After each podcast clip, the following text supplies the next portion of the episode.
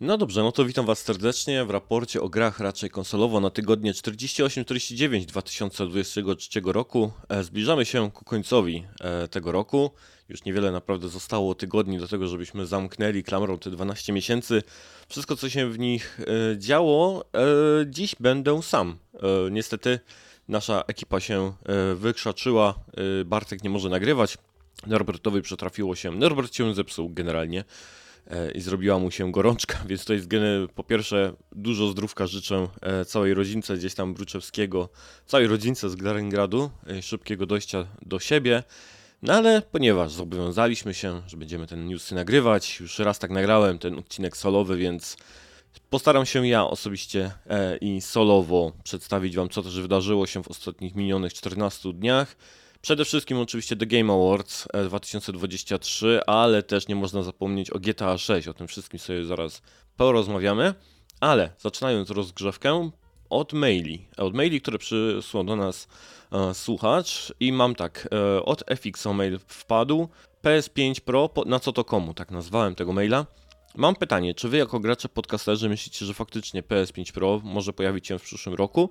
Czy jest to w ogóle ludziom potrzebne, skoro obecne gry na PS5 nie potrafią wycisnąć z niej maksa? Y, Z punktu technicznego powiem, że wydaje mi się, że PS5 Pro pojawi się wcześniej czy później. Pojawi się także PS5 Slim, bo warto tutaj zaznaczyć, że Sony umyślnie nie nazywa tej swojej nowej wersji PS5 Slimką. E, mieliśmy, jak ktoś sobie przypomni, generację e, PS3 chyba miało nawet dwie slimki, tak? Była slimka, potem było super slim, więc e, za każdym razem, kiedy oni redukowali gdzieś tam koszta produkcji i potrafili robić mniejsze te sprzęty, to wypuszczali kolejne modele. E, tutaj wydaje mi się, że prawdziwa PS5 Slim i Pro są jeszcze przed nami, a to ze względu na to, jak zbudowane są e, procesory. Ja teraz dokładnie nie znam się tak, nie jestem aż tak techniczny, żeby w to wchodzić, natomiast wiem, że Sony przy okazji tych nowych procesorów, e, nawet tego nowego modelu jeszcze nie wykorzystuje tak jakby tej możliwości robienia jeszcze bardziej gdzieś tam skondensowanych czy zmniejszonych gdzieś tam procesorów, które pobierają jeszcze mniej prądu i wymagają jeszcze mniejszych kosztów produkcji. E, więc, a po coś oni je jednak testują i po coś jednak tam e, są kanały techniczne, które sugerują, że Sony pracuje w swoich fabrykach nad zmniejszeniem tego wszystkiego kosztu, więc no po coś to robią, wydaje mi się właśnie do tego, żeby e, pojawiło się PS5 Pro czy, czy Slimka. E, nie wiem, czy w przyszłym roku, czy, czy za dwa lata, ale wydaje mi się, że się pojawi. Czy ja tego osobiście czuję, że potrzebuję? Nie, jak najbardziej nie. Ja jestem e, jak najbardziej ukontentowany i zadowolony z tego, co mi obecne gry dają i co potrafią wycisnąć. E, chłopaki Digital może by pewnie e, sądzili coś innego. Wiem, że też inne podcasty bardzo narzekają na to, że nie wszystkie gry działają w 100% 60 klatkach na sekundę, co mi absolutnie nie przeszkadza. Ja jestem jednak fanem znaczy, ła- ładniejszych e, grafik niż klatkarzów, więc jestem zadowolony. Ale tak, FX odpowiadając na Twoje pytanie, PS5 Pro i Slimka się pojawią. Tak, to jest takie gdzieś tam moje zdanie z tego wszystkich takich informacji zebranych do, cuzamen do kupy uważam, że się pojawi.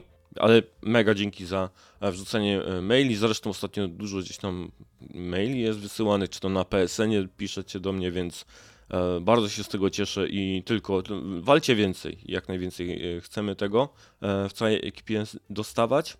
Co dalej? Wgląd do newsów. Aha, to też jest temat, który poruszyłem ostatnio. E, Napisał do nas trend e, odnośnie pytania, czy chcielibyście widzieć newsy. Pewnie. Jak to zrobić? Nie wiem. Zakładam, że najmniejszym kosztem pracy dla Was. Jeśli macie rozpiskę w Google Drive, to dajcie ją do odczytu. Jeśli jakoś na Discordzie, Discordem, pozdrawiam i dzięki za content. Ten Discord się pojawia e, i tu i tam. Ja bardzo bym chciał, ale z drugiej strony bardzo bym nie chciał. Kiedyś byłem nazywany zabójcą społeczności w pewnych regionach internetu, a to z tego względu, że ja jednak nie potrafię utrzymać społeczności ludzi gdzieś tam na dłużej. E, raczej częściej ludzi do siebie zrażam niż, niż przyciągam, więc e, może dlatego gdzieś się tak tego obawiam, żeby jakiegoś takiego Discorda odpalić z, ze wszystkimi słuchaczami, a bardzo, no tak mówię, dwa wilki, czy tam, tam dwie strony się we mnie biją, gdzie z jednej strony bardzo bym chciał, żeby z wami wszystkimi mieć jakiś lepszy kontakt, a z drugiej strony e, wiem, że no, z moje poprzednie doświadczenia raczej były takie średnie, kiedy coś próbowałem rozkręcać. No ale tak, to jest jeśli chodzi o Discorda. Natomiast wgląd do newsów mamy na to rozwiązanie, e, albowiem e, tak, w drugim tygodniu każdego gdzieś tam naszego cyklu, czyli na kilka dni przed nagrywaniem, bo my nagrywamy w weekend, obserwujcie kartę społeczności na kanale YouTube, ponieważ tam pojawi się link do naszej tablicy Trello.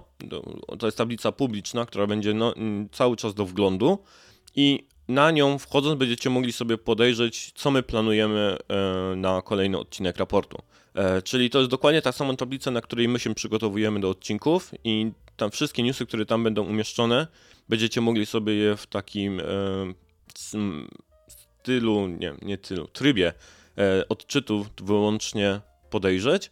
I oczywiście w komentarzach pod tym postem na karcie społeczności na YouTube możecie wtedy zadawać do nas pytania albo wysyłać je na maila, jeżeli będziecie te, w ten sposób woleli, albo na PSN-ie, jakkolwiek się z nami skontaktować. Ja zniknąłem z social media takich, można powiedzieć, grubszych. Ostatnim, na którym byłem, było oczywiście gdzieś tam X czy Twitter. E, I po tym czasie spędzonym, poza tym czuję się naprawdę dobrze i nie czuję potrzeby, żeby wracać, więc o ile nie zmusi mnie jakiś tam obowiązek e, po prostu utraty pewnych gdzieś tam kontaktów, to raczej się będę trzymał od tego z daleka. Ale ta karta społeczności na naszym kanale, raczej konsolowo na YouTubie, co drugą środę będzie pojawiać się link do Trello z naszym planerem i tam, tam, tam też prosiłbym Was, jeśli byście mieli jakieś komentarze czy pytania do konkretnych newsów, to tam wrzucać, więc e, nie w tym tygodniu, w którym odcinek się pojawia, tylko w kolejnym. E, zajrzyjcie, pamiętajcie o tym, no i zobaczymy, jak to będzie działało, czy będzie się Wam to podobało.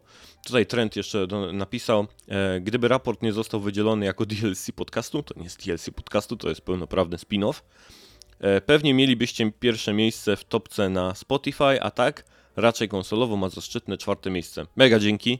E, trend za to, co robisz tutaj, za komentarze. Ja też cały czas gdzieś tam te forum, e, forum chyba Poligami, tak, na którym nieustannie, ponieważ tam postujesz odcinki, e, widzę.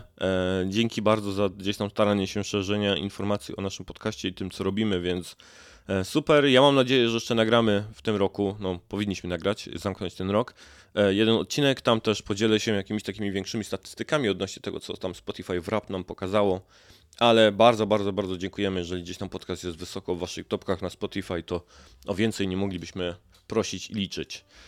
Dobrze, e, rozgrzewka, zamkniemy, zamkniemy rozgrzewkę Spotify dla podcasterów, czyli wszystkim, co tam się działo w ankietach i odpowiedziach na Spotify w sesji Q&A, czy coś poknociliśmy, jeśli chodzi o poprzedni odcinek. E, Michał, stwórzcie pokój na Discordzie, by było dość wygodnie komentować wasze agendy. Ogół super raport, keep going. Dzięki bardzo Michał, od Discordzie już tam powiedziałem.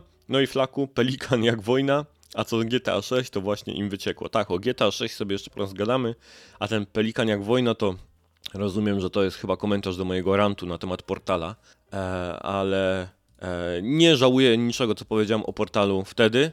E, po tym czasie spędzonym jeszcze nie napisałem na niego tekstu na bloga odnośnie sprzętu. Jestem bardziej niż zadowolony. Boże, jak ja uwielbiam ten sprzęt. Ostatnio spędzam na nim więcej czasu grania niż na telewizorze. Nawet jeżeli TV jest dostępny, to gdzieś tam się kładę, prawdopodobnie jest to efekt po prostu posiadania nowego sprzętu w domu, ale u mnie działa fantastycznie. E, mam konsolę podpiętą e, kabelkiem do, do sieci, tak, nie działa, gdzieś tam nie jest połączona do routera przez Wi-Fi, więc to jest jakiś tam jeden e, rzecz, którą, o której warto wspomnieć. Natomiast w moim setupie, zarówno w domu, jak i w pracy, bo ostatnio też po prostu zabieram portala do pracy i gram sobie na Wi-Fi w robocie, no działa jak marzenie. I ja gram przeważnie w Gran Turismo. Jak ktoś sobie zobaczy mój profil na Gran Turismo, to ostatnie tygodnie udaje mi się e, zaliczyć wszystkie te maratony codzienne, czyli tam te wyjechać te 45 km, które trzeba wyjechać, żeby zaliczyć tam maraton każdego dnia. To robię i bezproblemowo wygrywam, czy to na, srebr, na srebrnych wynikach, czy na złotych wyścigi, więc ja jestem totalnie ukontentowany tym sprzętem i uważam, że za mega zakup. No ale o tym wszystkim poopowiadam też jeszcze na, na blogu, który mam za, zamiar napisać. No i ankieta jeszcze z Spotify, jak podobał Wam się ostatni odcinek.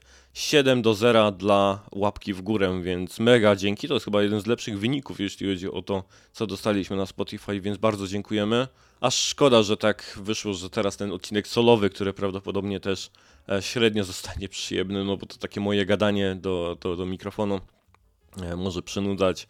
Ja jednak bardzo lubię, kiedy mamy tą dyskusję na podcaście, czy to z Norbertem, czy z Bartkiem, czy, czy w trójkę. E, no ale mimo wszystko, 7 łapek w górę do zera, jeśli chodzi o łapki w dół, to jest mega wynik, bardzo dziękujemy. No i cóż, to by było tyle, jeśli chodzi o rozgrzewkę. Sprawdzę jeszcze tylko, czy coś się działo ciekawego na komentarzach na, na YouTube pod ostatnim odcinkiem. A, piechu. Mam nadzieję, że wszystkie gry serwisowe Warner Brothers czy PlayStation pierdykną. Niech się zajmą tym, co umieją najlepiej. E, co do off-topu Manchester United, to nie, ma, nie, to nie ma nic ciekawego do powiedzenia, więc nie wiem, czego się spodziewasz. Tylko Liverpool FC. No tak, Liverpool FC. Znaczy ja bardzo kibicuję Liverpoolowi, szczególnie z temu, że e, by utrzeć nosa Manchesterowi City, tak, to już wolę, żeby Liverpool wygrywał ligę niż Manchester City, to już tak na marginesie dodając. Zresztą bardzo lubię Jurgena Kloppa, tak, to jest z BVB, jeśli chodzi trener, to ja strasznie żałowałem, że Manchester United e, go do siebie nie przekonał, ale faceta uwielbiam absolutnie, zarówno tym, jakim jest osobą, jak prowadzi drużynę to jest e, chyba taki mój ulubiony trener, bym powiedział, piłkarski e, gdzieś tam w całym świecie. Więc absolutnie uważam, że to siwo, że, że prowadzi Liverpool. Co do gier serwisów, no ja nie podzielam tego zdania. E, z tego względu, że doskonale rozumiem, dlaczego firmy idą w tym kierunku. Jest to po prostu nieustanny wynik naszej ucieczki przed tym, żeby gry kosztowały więcej, a powinny kosztować więcej, więc z tego względu, ile, ile, ile kosztuje ich produkcja, etc., etc. Więc ja uważam, że każda firma powinna gdzieś tam jakieś te elementy serwisowe posiadać. I w skrócie, powinny być jakaś dojna krowa e, w każdym gdzieś tam z tych firm, jakiś taki sukces finansowy, który potem przekładałby się właśnie na produkcje singleplayerowe. No niestety, ja nie uważam, żeby, było, żeby PlayStation czy jakiekolwiek inne studia były w stanie przeżyć e, i dostarczać nam produkcji takich AAA singleplayerowych, jakich jesteśmy przyzwyczajeni, bez posiadania jakiegoś dodatkowego źródła finansowego. To się po prostu obecnie, obecnie nie da e, i wydaje mi się, że widział to Sean Layden, kiedy mówił o tym, e, widzi to Sony, e, idąc gdzieś tam w te serwisy, próbując więc e, no ja to, ja to jak najbardziej gdzieś tam rozumiem e, od strony takiej finansowej, że to po prostu musi tak wyglądać. Aktualizacje, czyli rzeczy, o których mówiliśmy gdzieś tam ostatnio i warto by było gdzieś o nich powiedzieć. Więc mamy tak. Star Citizen świętuje e, rekord wpłat. Tak, rozmawialiśmy o Star Citizenie. Kampania crowdfundingowa dla Star Citizen miała niedawno największy dzień w swojej historii, a zwolennicy gry w ciągu 24 godzin dołożyli prawie 3,5 miliona dolarów do oszałamiającej łącznej kwoty 644 milionów dolarów. Um, to jest prawdopodobnie efekt tej prezentacji oraz tego weekendu chyba darmowego, czy, czy tygodnia darmowego, w którym można było sobie sprawdzić grę, więc gra się podoba. Ludzie dalej są zachwyceni i pakują w ten skam, e, przepraszam, e, e, pieniądze. Kotor jednak nie dead, Słuchając podcastu Sacred Symbols, chłopaki cytowali Jasona Schreiera, według którego ma informację potwierdzającą, potwierdzaną przez dwie osoby, że remake wciąż jest w produkcji. Według Colina e, Moriarty'ego Jeff Grubb ma przeciek od Sony, a Jason z zespołu pracującego nad grą. Więc wygląda na to, że Sony tak jakby się odłączyło od tego remake'u i nie chce mieć już z nim nic wspólnego, to przynajmniej tak na razie wskazują te plotki, które gdzieś tam plot, plotki, czy tam potwierdzone informacje przez dziennikarzy a sam remake przeszedł po prostu do może go innego wydawcy, czy w inne miejsce. Wydaje mi się, że chyba jedynymi takimi obecnymi miejscami, które jak nie Sony chciałoby coś takiego wypuścić, no to tak jak mówię, już chyba nawet na ostatnim o tym mówiłem, nie? Że Microsoft wydaje mi się, że byłby idealny i ich studia, i ich gdzieś tam ekipa, którą ma, ekipy, które mają, żeby ten remake dokończyć. Więc albo Microsoft, Tencent, no lub gdzieś tam e, Saudi Fund e, prawdopodobnie się tym zajmie. No, ale wygląda na to, że to nie będzie już nic związanego z Sony. Phil Spencer dementuje plotki o kierunku wydawcy. E, I tutaj krótko, tylko cytat taki wrzucę. Nie mamy planów wprowadzenia Game Passa na PlayStation i Nintendo. Nie mamy tego na roadmapie. Więc to jest takie sprostowanie bardzo szybkie, bo tam już ludzie e, się pikli w sieci, czy e, Microsoft będzie wydawcą bardziej, co ja uważam, że jest dosyć sensowne, czy zupełnie porzuci swoje konsole i tak dalej, więc um, Phil zdementował gdzieś tam plotki z tym, z tym związane. Choć mimo wszystko, jeżeli dyrektor finansowy gdzieś tam takie rzeczy gdzieś na, przedstawiał, to no uważam, że gdzieś tam pewnie jakieś ziarnko prawdy w tym było, może jakieś niezrozumienie albo powiedzenie o jednego słowa za dużo, no ale to chyba tak jakby zamyka temat na razie, żeby Game Pass miał się pojawić w jakiejkolwiek formie na PlayStation. I by the way, nawet jakby się pojawił, to nie byłby to Game Pass taki, jaki znamy gdzieś tam na konsolach Microsoftu. No bo to jest niemożliwe. Tak Sony by nie wprowadziło albo by nie dopuściło Game Passa na swoją konsolę, bo to by po prostu wiemy, mamy to udowodnione gdzieś tam danymi, że Game Pass zabija e, sprzedaż gier, tak? Że, że no, gracze utrzymując gry w Game Passie Day One i mogąc je grać w abonamencie, bardzo rzadko potem decydują się na nie dość, że kupno ich, to po prostu czekają na gry kontra ich kupowanie. Dlatego na przykład na konsolach Microsoftu trzeba być w Game Passie, jeżeli chce się w ogóle wydawać grę, e, bo wydając grę po prostu bez e, tak jakby tej formy Game Passowej, praktycznie jest się zdanym na jakieś tam procentowe tylko udziały w rynku, jeśli chodzi o, o Microsoft. Dlatego no nie wierzę, że Sony i Nintendo by coś takiego dopuściły na swoich platformach, tym bardziej, że dla nich się liczy cholernie te 30% ze sprzedawanych gier, e, które, które sprzedają przez swój store, to prawdopodobnie byłby jakiś wykastrowany Game Pass tylko i wyłącznie e, na te tytuły, które są ekskluzywne dla niego na, na Microsoftie, tak? To, to już bardziej sensownie brzmi. Czy coś jeszcze w rozgrzewce? A, Bungie potwierdza przesunięcie premiery The Final Shape. O Bungie też jeszcze sobie porozmawiamy, bo ciekawe rzeczy się dzieją, e, znaczy ciekawe, nieciekawe można powiedzieć w studiu, e, troszeczkę później, natomiast tutaj tylko e, aktualizacja, sprostowanie. Premiera The Final Shape pierwotnie planowana na 27 lutego ma się odbyć 4 czerwca. W poście na blogu Bungie stwierdza, że dodatek potrzebuje więcej czasu, aby stać się dokładnie tym, czym chcemy. No, to jest grube przesunięcie tak, że z, z lutego na, na, czerwiec to jest jednak tam, to nie jest miesiąc, to jest spore przesunięcie. Jestem ciekaw, czym oni wypełnią ten czas pomiędzy gdzieś tam tymi e, premierami, tymi datami, więc zobaczymy. To by było na tyle, jeśli chodzi o aktualizację, więc możemy przejść do mięska. Więc tak, zaczynamy od aktualizacji ofert dowiedzieliśmy się w ostatnim gdzieś tam czasie, gdzieś tam. Pozdrawiam e, komentującego i osoby czekającej na moje gdzieś tam mm, w, trakcie podcastu. PlayStation Essential, Lego 2K Drive, Power Wash Simulator i Sable. Uważam, że to całkiem niezły repertuar na grudzień. Lego 2K Drive to jak dzieciaki dostaną konsolę pod e, choinkę, jak najbardziej do ogrania e, z, z rodzicami. Ten, ten, ten ścigałka w świecie Lego.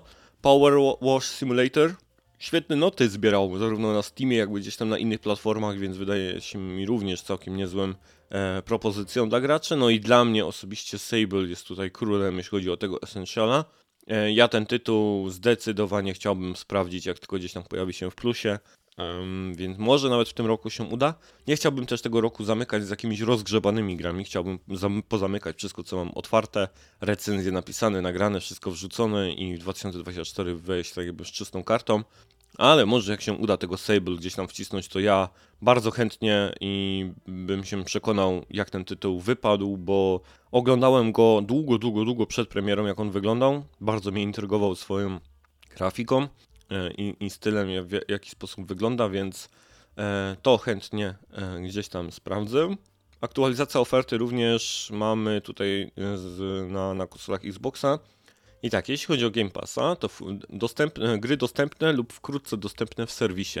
Remnant from the Ashes oraz Remnant 2, czyli obie odsłony wpadają do e, Game Passa. Ja szczególnie po, polecam jedynkę, która moim zdaniem wypadła lepiej od e, dwójeczki. Później Spirit of the North, Steam World e, Build, to jest akurat nawet premiera Day One, ten Steam World. Clone Drone in the Danger Zone. Clone Drone in the Danger Zone, ale fajny tytuł. Później Rise of the Tomb Raider, the Iron's Hot. E, the Iron's Hot to również ciekawy indyczek, tak go gdzieś tam widziałem na zwiastunach, całkiem nieźle się prezentuje. World War Z, Aftermath, Goat Simulator 3, Against the Storm, Tin Hearts i Far Cry 6. E, do Game Passu Core, czyli do tego nowego gdzieś tam poziomu wpada Chivalry 2 od 6 e, grudnia i Total Reliable Delivery Service. Niektóre te gry, o których wspominałem, że trafiają do Game Passa, trafią gdzieś tam później. Choć tutaj najpóźniejsze są 12-14, więc jak to już słuchacie, to już praktycznie wszystko z tej listy, wy, którą wymieniłem, powinno być. Far, Far Cry 6 jedynie 14 grudnia. No, opuszczają serwis Chained Echoes, Opus Magnum, Potioncraft i Rubber Bandits, z czego ja bardzo polecam, jeżeli możecie, to Chained Echoes, jeśli jeszcze jest dostępne w Game Passie Nie grałem w ten tytuł, tradycyjnie dla mnie powiem.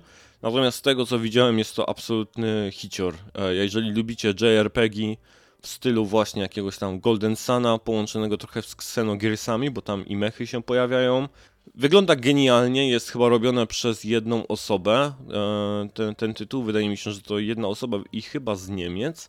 Ten tytuł e, miała w produkcji ale z, zainteresujcie się. Jeżeli gdzieś was to ominęło, to niedługo wypada z Game Passa albo już wypadło Chained Echoes. Dobra, i teraz lecimy sobie już z takim prawdziwym gdzieś tam mięskiem, już nawet przyprawionym. Podsumujmy sobie The Game Awards 2023. E, Larian Studios i Remedy zarządzili na gali The Game Awards, a Baldur's Gate 3 zdobyło 6 nagród, w tym grę roku. Alan Wake 2 otrzymał 3 z 8, w których był nominowany. I teraz przelecę po pełnej liście zwycięzców. Jeżeli coś będzie wyjątkowo dla mnie gdzieś interesującego, do tego się wypowiem. Więc tak, Game of the Year Baldur's Gate 3, Best Game Direction Alan Wake 2, Best Narrative Alan Wake 2, Best Art Direction Alan Wake 2. No tutaj tak ten średnio, ale trudno. Best Score and Music Final Fantasy XVI. Uhu. Best Audio Design Hi-Fi Rush. Best Performance Neil Newborn, Baldur's Gate 3, choć ja liczyłem tutaj akurat na Ben Stara z, z, jako Clive w 16, trudno. Best Adaptation The Last of Us, Best Ongoing Game Cyberpunk 2077. To był moment, w którym to, tak jakby taki kubeł zimnej wody wylany e, mi na głowę, że okej, okay, dobra, te, te, ta gala jednak jest bullshitem. E, ci ludzie głosujący z tych głównych gdzieś tam portali mediowych i tak dalej, to mają nasrane w głowach, albo po prostu CDEP coś tam przy, przypłacił gdzieś komuś gdzieś w jakikolwiek sposób, żeby się tutaj znaleźć, no ja i, i przypomnieć zarówno o grze, jak i o dodatku i o sobie. Nie rozumiem, e, czemu on się tutaj znalazł. E, dwa lata patchowania gry to nie jest powód na to, żeby dostawać nagrody za ongoing game, więc to, to, to nie jest to, co robi e, No Man's Sky bo No Man's Sky też nie dostał tak jakby nagrody za to, że doprowadził grę do stanu działania, tylko za to, jak ją utrzymywał przez te wszystkie lata i utrzymuje nadal i ma plany nadal na kolejne 2024. E, więc e, no i pomijając już Apexa i Final Fantasy XIV i tak dalej, Genshin Impact, no to jest akurat jakaś gigantyczna pomyłka dla mnie, nie wiem czemu to się tutaj znalazło, no ale trudno, już lećmy dalej. Best Independent Game, of Stars, super. Best Debut Game, e, Cocoon, no, to interesujące jest. Best Mobile Game, Honkai Star Rail, Best VR AR Game, Resident Evil Village VR, VR Mode. Kurde, ten Village w VR musi być naprawdę ciekawy. Może kiedyś do niego dojdę, skoro teraz będę ogrywał jedynkę dopiero Residenta, ale zero już mam za sobą. E, Best Action Game, Armored Core 6, e, Best Action Adventure, The Legend of Zelda, Best RPG Baldur's Gate 3, Best Fighting Game Street Fighter 6, Best Family Game Super Mario Bros. Wonder, Best Sim Strategy Game Pikmin 4, Best Sports Racing Game Sport, e, Forza Motorsport, Innovation Accessibility również Forza Motorsport. O, w sumie fajnie, dwie nagrody zdobyła Forza na Game Awardsach. E, Games for Impact Chia, Best Community Support Baldur's Gate 3, Best Multiplayer Presented by Discord Baldur's Gate 3, Most Anticipated Game, czyli najbardziej e, rozdmuchany marketing, czyli Final Fantasy VII Rebirth i Content Creator of the Year Iron Mouse. Tak, i wyrzuciłem wszystkie e-sportowe kategorie, bo one absolutnie nie są interesujące. Natomiast Content Creator of the Year tylko i wyłącznie dlatego umieściłem, ponieważ Iron Mouse jest VTuberką. E, czyli już teraz przeczytałem sobie, bo na tego na streamie jak nagrywaliśmy to nie wiedziałem. E, jest to po prostu dziewczyna, która e, jakby jest prezencją, głosem i tak dalej, natomiast tylko jej e, to, co widzimy, jest po prostu jakoś tam animowane. Łapany jest jej po prostu wyrazy twarzy przez, przez oprogramowanie i wituperka mangowa gdzieś tam jest pokazywana graczom. Jest to dla mnie nieustannie zabawne, że po pierwsze wituberki są chyba najpopularniejszymi streamerkami na, na Twitchu, bardziej od prawdziwych dziewczyn. I jeszcze do tego, że wygrywa Content Creator of the Year, to jest dla mnie masakra. I teraz tak, wszystko co się wydarzyło, zapowiedzi i zwiastuny. E, naj, e, największym tak jakby hitem było ujawnienie e, od Hideo Kojimy swojego tytułu z Microsoftem. Podzielił się on swoim nadchodzącym projektem OD, ekskluzywnym dla konsoli Xboxa, który będzie rozwijany we współpracy z Jordanem Pilem. Zwiastun pokazywał coraz bardziej niepokojące ujęcia obsady, w tym Sophie Lillis, e, Huntera Schaeffera i Udo Kiera. No, wyglądał dosyć niepokojąco ten zwiastun, mimo tego, że na nim się za bardzo nie działo, ale no to jest takie już bardzo Kojimowe, tak? On zmienił branżę gry horrorowe jednym korytarzem, więc nie dziwię się, że ujęciami gry, aktorów gdzieś wprowadził nas gdzieś w takie, takie emocje i takie doznania. E, Jordan Peele e, to jest e, reżyser odpowiedzialny za Nope, potem Us, Get Out, chyba te, to są wszystkie jego filmy, więc fani horrorów powinni być gdzieś tam z nim zaznajomieni. Ciekawa kolaboracja, może zobaczymy co z tego wyjdzie. No ale przynajmniej wiemy już troszeczkę więcej na temat tego wszystkiego, co Microsoft i Kojima mm, razem gdzieś tam pieką, więc zobaczymy. E, Capcom ogłosił najnowszą odsłonę serii Monster Hunter, potwierdzając jej premierę na e, Series X i S, PS5 i PC w 2025 e, roku. Więc nowy Monster Hunter za dwa lata. Ja już zacieram gdzieś tam rączki, bo już brakuje mi Monster Huntera. Wild Hearts jednak, mimo że gameplayowo mocno dowiozło, to, to inne gdzieś tam elementy nie zagrały. Polecam recenzję, czy to na blogu, czy na kanale. O, to nie przetłumaczyłem sobie. Dobrze, to w locie e, przetłumaczę. Generalnie jeśli chodzi o prezencję Sony, to mamy zapowiedzi DLC-ków. Pierwsze co to e, DLC do God of War Ragnarok, które będzie fabularnym roguelike'iem. I tutaj e, Sony wykorzystuje po prostu, w skrócie o czym chciałem powiedzieć, Remedy. I to co Remedy zrobiło z Returnalem i prawdopodobnie elementy tego budowania fabuły w ten sposób i, i narracji przez roguelike zobaczymy właśnie e, tutaj, jak i w The Last of Us e, Remastered. E, tam też przecież będzie e, tryb e, roguelike'owy, więc Sony gdzieś, e, prawda, chciałem powiedzieć znowu gdzieś tam, ale się wstrzymam. e, Sony chce wykorzystać to, co Remedy E, tak jakby ten know-how i, i to, co zrobiło w Returnalu w innych swoich produkcjach z innymi swoimi IP. God of War Ragnarok, podróż Kratosa wydaje się e, solo, bez Atreusa, nie było go gdzieś tam obok, a zatem e, to 12 grudnia, czyli już teraz, jak słuchacie tego podcastu, to już powinno być dostępne, czy nie? Nie, 12 to jest wtorek, czyli dopiero od, od wtorku powinno już być e, DLC dostępne, które jest za darmowe. To też warto zaznaczyć, że to DLC do God of War jest za darmo. E, ja już zapłaciłem za kolejne DLC, e, o którym będę mówił, albowiem Final Fantasy XVI doczeka się dwóch dodatków: Echoes of the Fallen oraz Rising Tide. Fabularne też coś, jakieś tam pałace, nie pałace, nie wiem czy to też będzie coś roguelike'owego, zobaczymy i one e, Echoes of the Fallen chyba już jest dostępne. Rising Tide ma się pojawić gdzieś tam dopiero w 2024 roku e, na wiosnę. Ja już kupiłem sobie pakiet obu DLC e, i czekam. Te, te Echoes of the Fallen mam nadzieję jeszcze gdzieś wcisnąć w tym roku jako takie na święta DLC do ogrania. I teraz, e, no nie no, chyba przelecę po wszystkim tak skrótowo, bo zachęcam oczywiście, albo będę leciał od góry, bo mam tutaj pełną listę, muszę powiedzieć, że The Game, e, GameIndustry.biz e, serwis bardzo fajny przygotował podsumowanie całego gdzieś tam The, The Game Awards, ale ja sobie tylko gdzieś przelecę po takich jakby bardziej interesujących mnie elementach. Dostępne już jest The Finals, zostało ogłoszone to podczas gali, że można już sprawdzić free-to-play e, strzelankę od e, byłych deweloperów z DICE'a. Cezar, który towarzyszył mi na streamie, sprawdził i uważa, że naprawdę jest całkiem udanym tytułem. E, jak tylko będę gdzieś tam miał miejsce na konsoli, bo muszę się z filmików, które mam do recenzji, wysprzątać, to wtedy sobie ściągnę i również sprawdzę.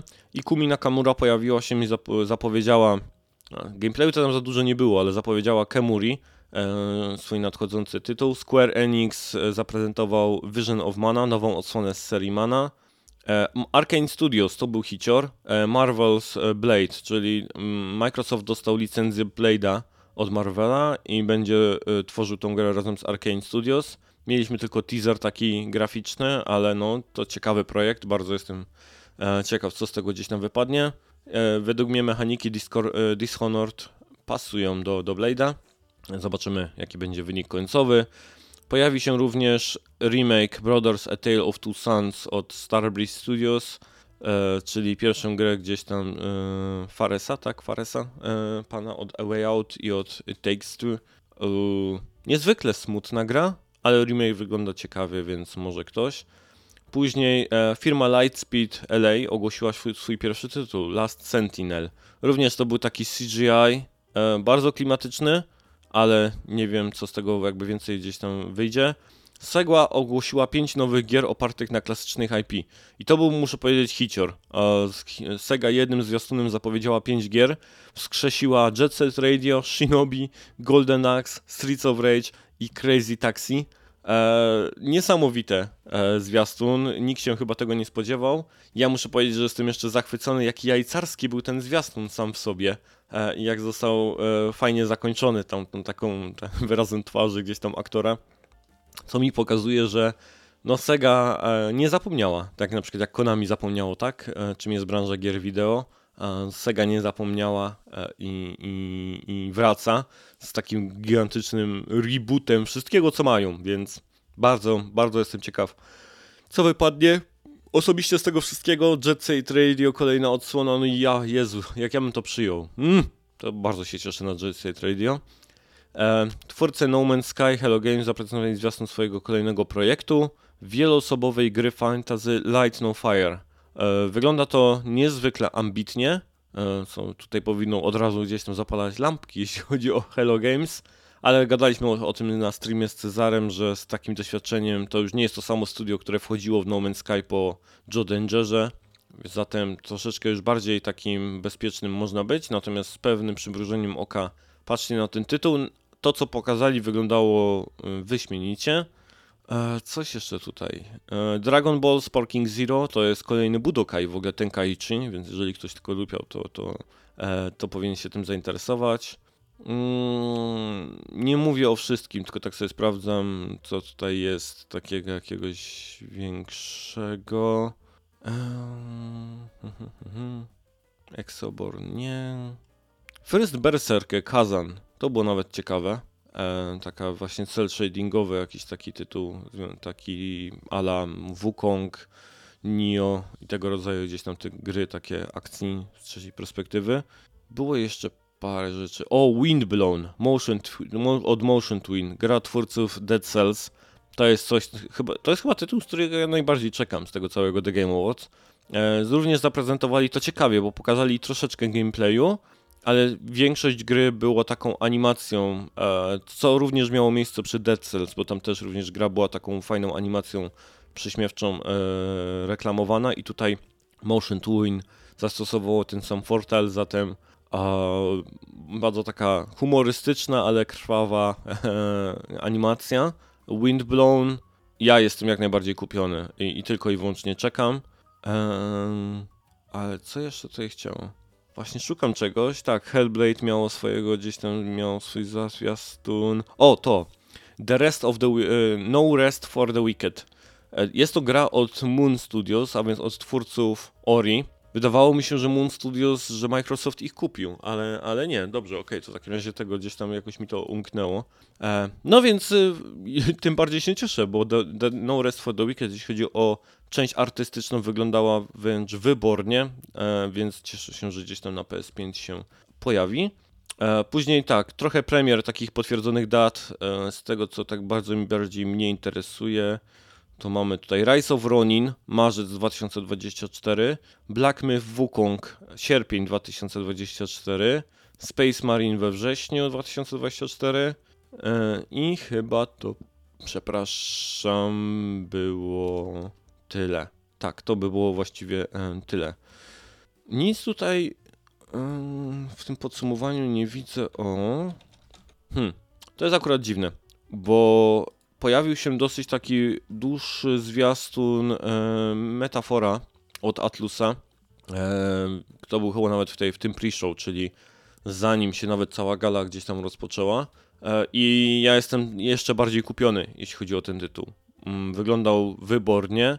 Trochę tam jest jakiejś walki, nawet jak nie mechów, to takich ala miast zmechanizowanych, więc nie wiem co dokładnie będzie się tam działo, natomiast zapowiada się pysznie. Ten zwiastun, który był pokazany tutaj podczas The Game Awards e, te, tej gry Atlusa e, wyglądał naprawdę wybornie i mocno mnie nakręcił na ten tytuł, więc czekam, czekam mocno, aż on się pojawi. Niestety w tym podsumowaniu go akurat nie ma.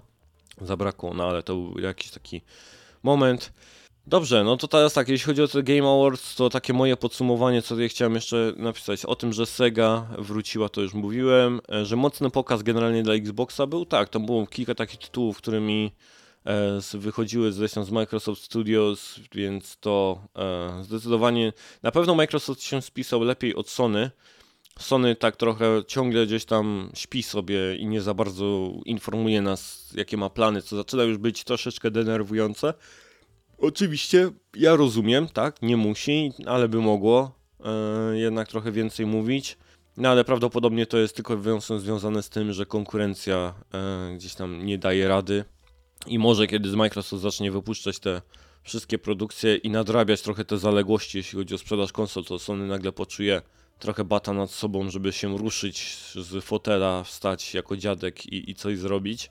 No bo jedyna chyba prezencja Sony na tym pokazie to było właściwie e, te DLC do e, God of War Ragnaroka, no i DLC do Final Fantasy XVI, tak? To jest chyba wszystko, e, co coś tam Sony pokazało. Spider-Man tak samo jak Starfield bez nagród podczas The Game Awards, więc tak. No i aha, no i dla mnie największy hit, tutaj sobie zapisałem Wind Blown do zaznaczenia. E, zanim się The Game Awards w ogóle pojawiło, to tam były różne newsy, wylatywały gdzieś nam w sieć. Po pierwsze, e, jeśli chodzi o tego Dave the Divera i tą kontrowersję z tym związanym, Jeff w sumie niby coś powiedział, ale też nie powiedział nic. Nadal zrozumienie, czym jest indie, jest bliżej nieokreślone. E, no i tutaj warto znać, tylko dodam, że twórca Mint Rocket to mały zespół Wynexon, południowo-koreańskiej firmie, która tylko w 2021 roku osiągnęła przychody w wysokości 2 miliardów dolarów. Więc nijak nie ma się tutaj do Indii. No wiecie, to jest serio, to jest tak jakbyśmy powiedzieli, że nie wiem, mały zespolik, w, który jest częścią Naughty Dog i korzysta z ich inf infrastruktury, e, wszystkich dóbr, jakie studio ma w sobie, wytworzyła się po prostu wewnętrzna komórka, wypuściła grę i my to nazywamy produkcją indie. No nie, no produkcja indie to jest ta gra właśnie, o której mówiłem, Chained Echoes, tak? Która została robiona przez jednego gościa gdzieś tam, e, więc... No, e, patrz, teraz zaczynam myśleć o tym gdzieś tam ciągle mówiąc, ale nie potrafię się tego wyzbyć jakoś. Um, zatem, no, ja dalej uważam, że ten Dave the Diver to jest akurat pomyłka. Dobrze, że nie wygrał, tak? To już przynajmniej tyle. E, co tam jeszcze? Aha, usunęli ten w ogóle World Premiery, jeśli chodzi o ten taki, ten, ten, ten taką nazwę przed trailerami. E, Jeff to tłumaczy. Właściwie zobaczycie, w tym roku często wywieszamy te kartki światowa premiera, światowa premiera. W pewnym sensie odchodzimy od tego tylko dlatego, że wszystko jest w pewnym sensie nowym ogłoszeniem, dla którego traktujemy to wszystko jako świetne gry.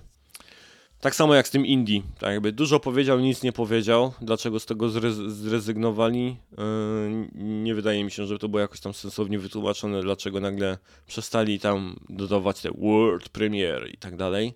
Yy, The Game Awards, co tutaj jeszcze? Aha, że myślą nad tym, żeby dodać kategorię Best Remake i Best e, gdzieś tam Supporting Actor. E, tutaj Jeff tłumaczy, że inną rzeczą, o której ludzie zawsze pytają, jest to, dlaczego nie mamy kategorii najlepszy remake lub remaster. Roz, rozmawialiśmy o tym. Myślę, że pytanie brzmi, czy każdego roku powstaje 5 niesamowitych remake'ów? Tak. A poza tym nie musi to być 5, tak? Wybór jednego z trzech na przykład by, by wystarczał. A skoro już łączycie, tak Jeff, tak podpowiem, jak już łączysz w jednej kategorii nagród gry sportowe i wyścigi, to zrobienie kategorii Best Remake slash Remaster to wydaje mi się, że jakby był bardzo słaby rok, gdzie tylko po kilka takich e, mieliśmy gier, to by też dał, dał radę. E, no i tutaj, że e, bezpieczeństwo, security, generalnie ochroniarzy zostanie tam podniesiony poziom, co widzieliśmy na samej gali, gdzie e, ludzie wychodząc na scenę musieli przejść przez takich dwóch byczków e, otwierających gdzieś tam e, bramkę. No dobrze, no to teraz to by było tyle, jeśli chodzi o The Game Awards. Teraz tak. GTA 6 zapowiedziane. Zwiastun GTA 6 osiągnął ponad 100 milionów wyświetleń, bijąc rekord najczęściej oglądanej gry wideo w ciągu 24 godzin. Absolutnie niesamowite liczby. Jak ja widziałem, jakie liczby wykręca ten zwiastun no coś niesamowitego. Akcja GTA 6 rozgrywa się w fikcyjnym stanie Leonida, gdzie gracze mogą odkrywać znane Vice City i jego okolice z dwoma nowymi bohaterami. E, I to jeszcze tylko dodając, że deweloperzy i fani są zawiedzeni sytuacją ze zwiastunem. Generalnie wyglądała sytuacja w ten sposób, że tak jak Flaku napisał odnośnie tego wycieku, to Rockstar zauważył, że ich zwiastun prawdopodobnie niedługo wycieknie i pojawi się gdzieś tam z nieoficjalnych źródeł online, dlatego postanowili działać i on się pojawił właściwie wcześniej niż było to e, zamierzone. I ja dostałem powiadomieniem w nocy, chyba jakiejś drugiej czy trzeciej w nocy, e, grając jeszcze na konsoli, że pojawił się zwiastun GTA 6. W sumie to był dobry moment na nakręcenie jakiegoś materiału i wrzucenie, bo nikt się tego nie spodziewał i rano prawdopodobnie e, wrzucenie tego byłoby całkiem udanym jakimś tam według wyświetleń, ale to już trudno, nie będę na tym dłużej rozmyślał. E, no więc tak, GTA 6 zapowiedziane, dla mnie zwiastun wygląda świetnie, e, bardzo taki humorystyczny, Troszkę się obawiałem, jakie to GTA będzie nowego Rockstara, ale wydaje się, że będzie raczej dobrze. E, jest tam dużo, bym powiedział, Florydy. Tak, tak widzę ten, ten stan Floryda jakby w tym, w, tym, w, tym, w tym zwiastunie, ale może to być po prostu no, e, sarkazm z, z całych Stanów Zjednoczonych umieszczony tak jakby na tym małym takim kawałeczku Vice City. Ale zapowiada się dobrze i wygląda totalnie niesamowicie. E, od strony jakości grafiki to prezentuje się fenomenalnie. I tutaj od razu warto dodać, bo słuchałem sobie chłopaków z Digital Foundry, którzy rozwiali wątpliwości i powiedzieli, że tego dokładnie możemy się spodziewać po grafice i gra może celować 30 fps, żeby to osiągnąć. E, tam kilka przykładów podawali e, z Digital Foundry e, ekipa. Mówiła o włosach, o pewnych gdzieś tam ujęciach na jakieś mosty z lotu ptaka że są tak jakby pewni, że to było renderowane real time w silniku gry, a nie było to przygotowane jakby gdzieś tam CGI, więc no to tym bardziej, bo nawet tam David Jeffy na swoim streamie mówił, że żeby się tak jakby do tego nie przyzwyczajać, bo tam pewno ta grafika nie będzie tak wyglądała, bla bla bla. No chłopaki z Digital Foundry są raczej tak jakby nastawieni, że tak faktycznie może ta gra wyglądać, więc zobaczcie sobie zwiastun, wygląda to absolutnie niesamowicie, no ale Rockstar zawsze gdzieś tą pcha e, generację i no całą branżę gdzieś do przodu, jeśli chodzi o te walury tam tego, co można wycisnąć z konsoli, ze sprzętów. Nie ma premiery na PC-tach na razie, co już chyba jest normalne, jeśli chodzi o tego rodzaju gry od Rockstara. E, dużo scen ze zwiastuna było odwzorowaniem wiralów z TikToka i YouTube, więc może to być źródłem sarkazmu w GTA 6, to też zauważyłem, że niektóre scenki pokazane w zwiastunie można było sobie jakoś tam nawet znaleźć faktyczne wirale z TikToka, które były, na których e, były one wzorowane, więc e, może to być właśnie tym źródłem, tak, tego humoru w całej grze, ja bym się nie obraził. No i szkoda mi też tych deweloperów, bo tak jak mówiłem, że ekipa gdzieś tam, deweloperzy Rockstara nie są zbyt zadowoleni, jeśli chodzi o to, co się wszystko wydarzyło. No ja ich rozumiem, bo raz, że oni chcieli w taki sposób gdzieś tam zaplanowany e, sobie ten tytuł przedstawić.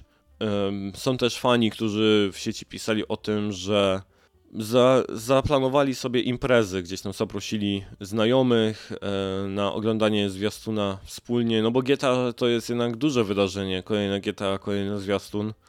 Tym bardziej, że przecież już ponad dekadę tak jest chyba sprzedawana ta e, piątka, a zatem no było można się spodziewać i jakoś fajnie tego przygotować, no ale cóż, e, cóż zrobić.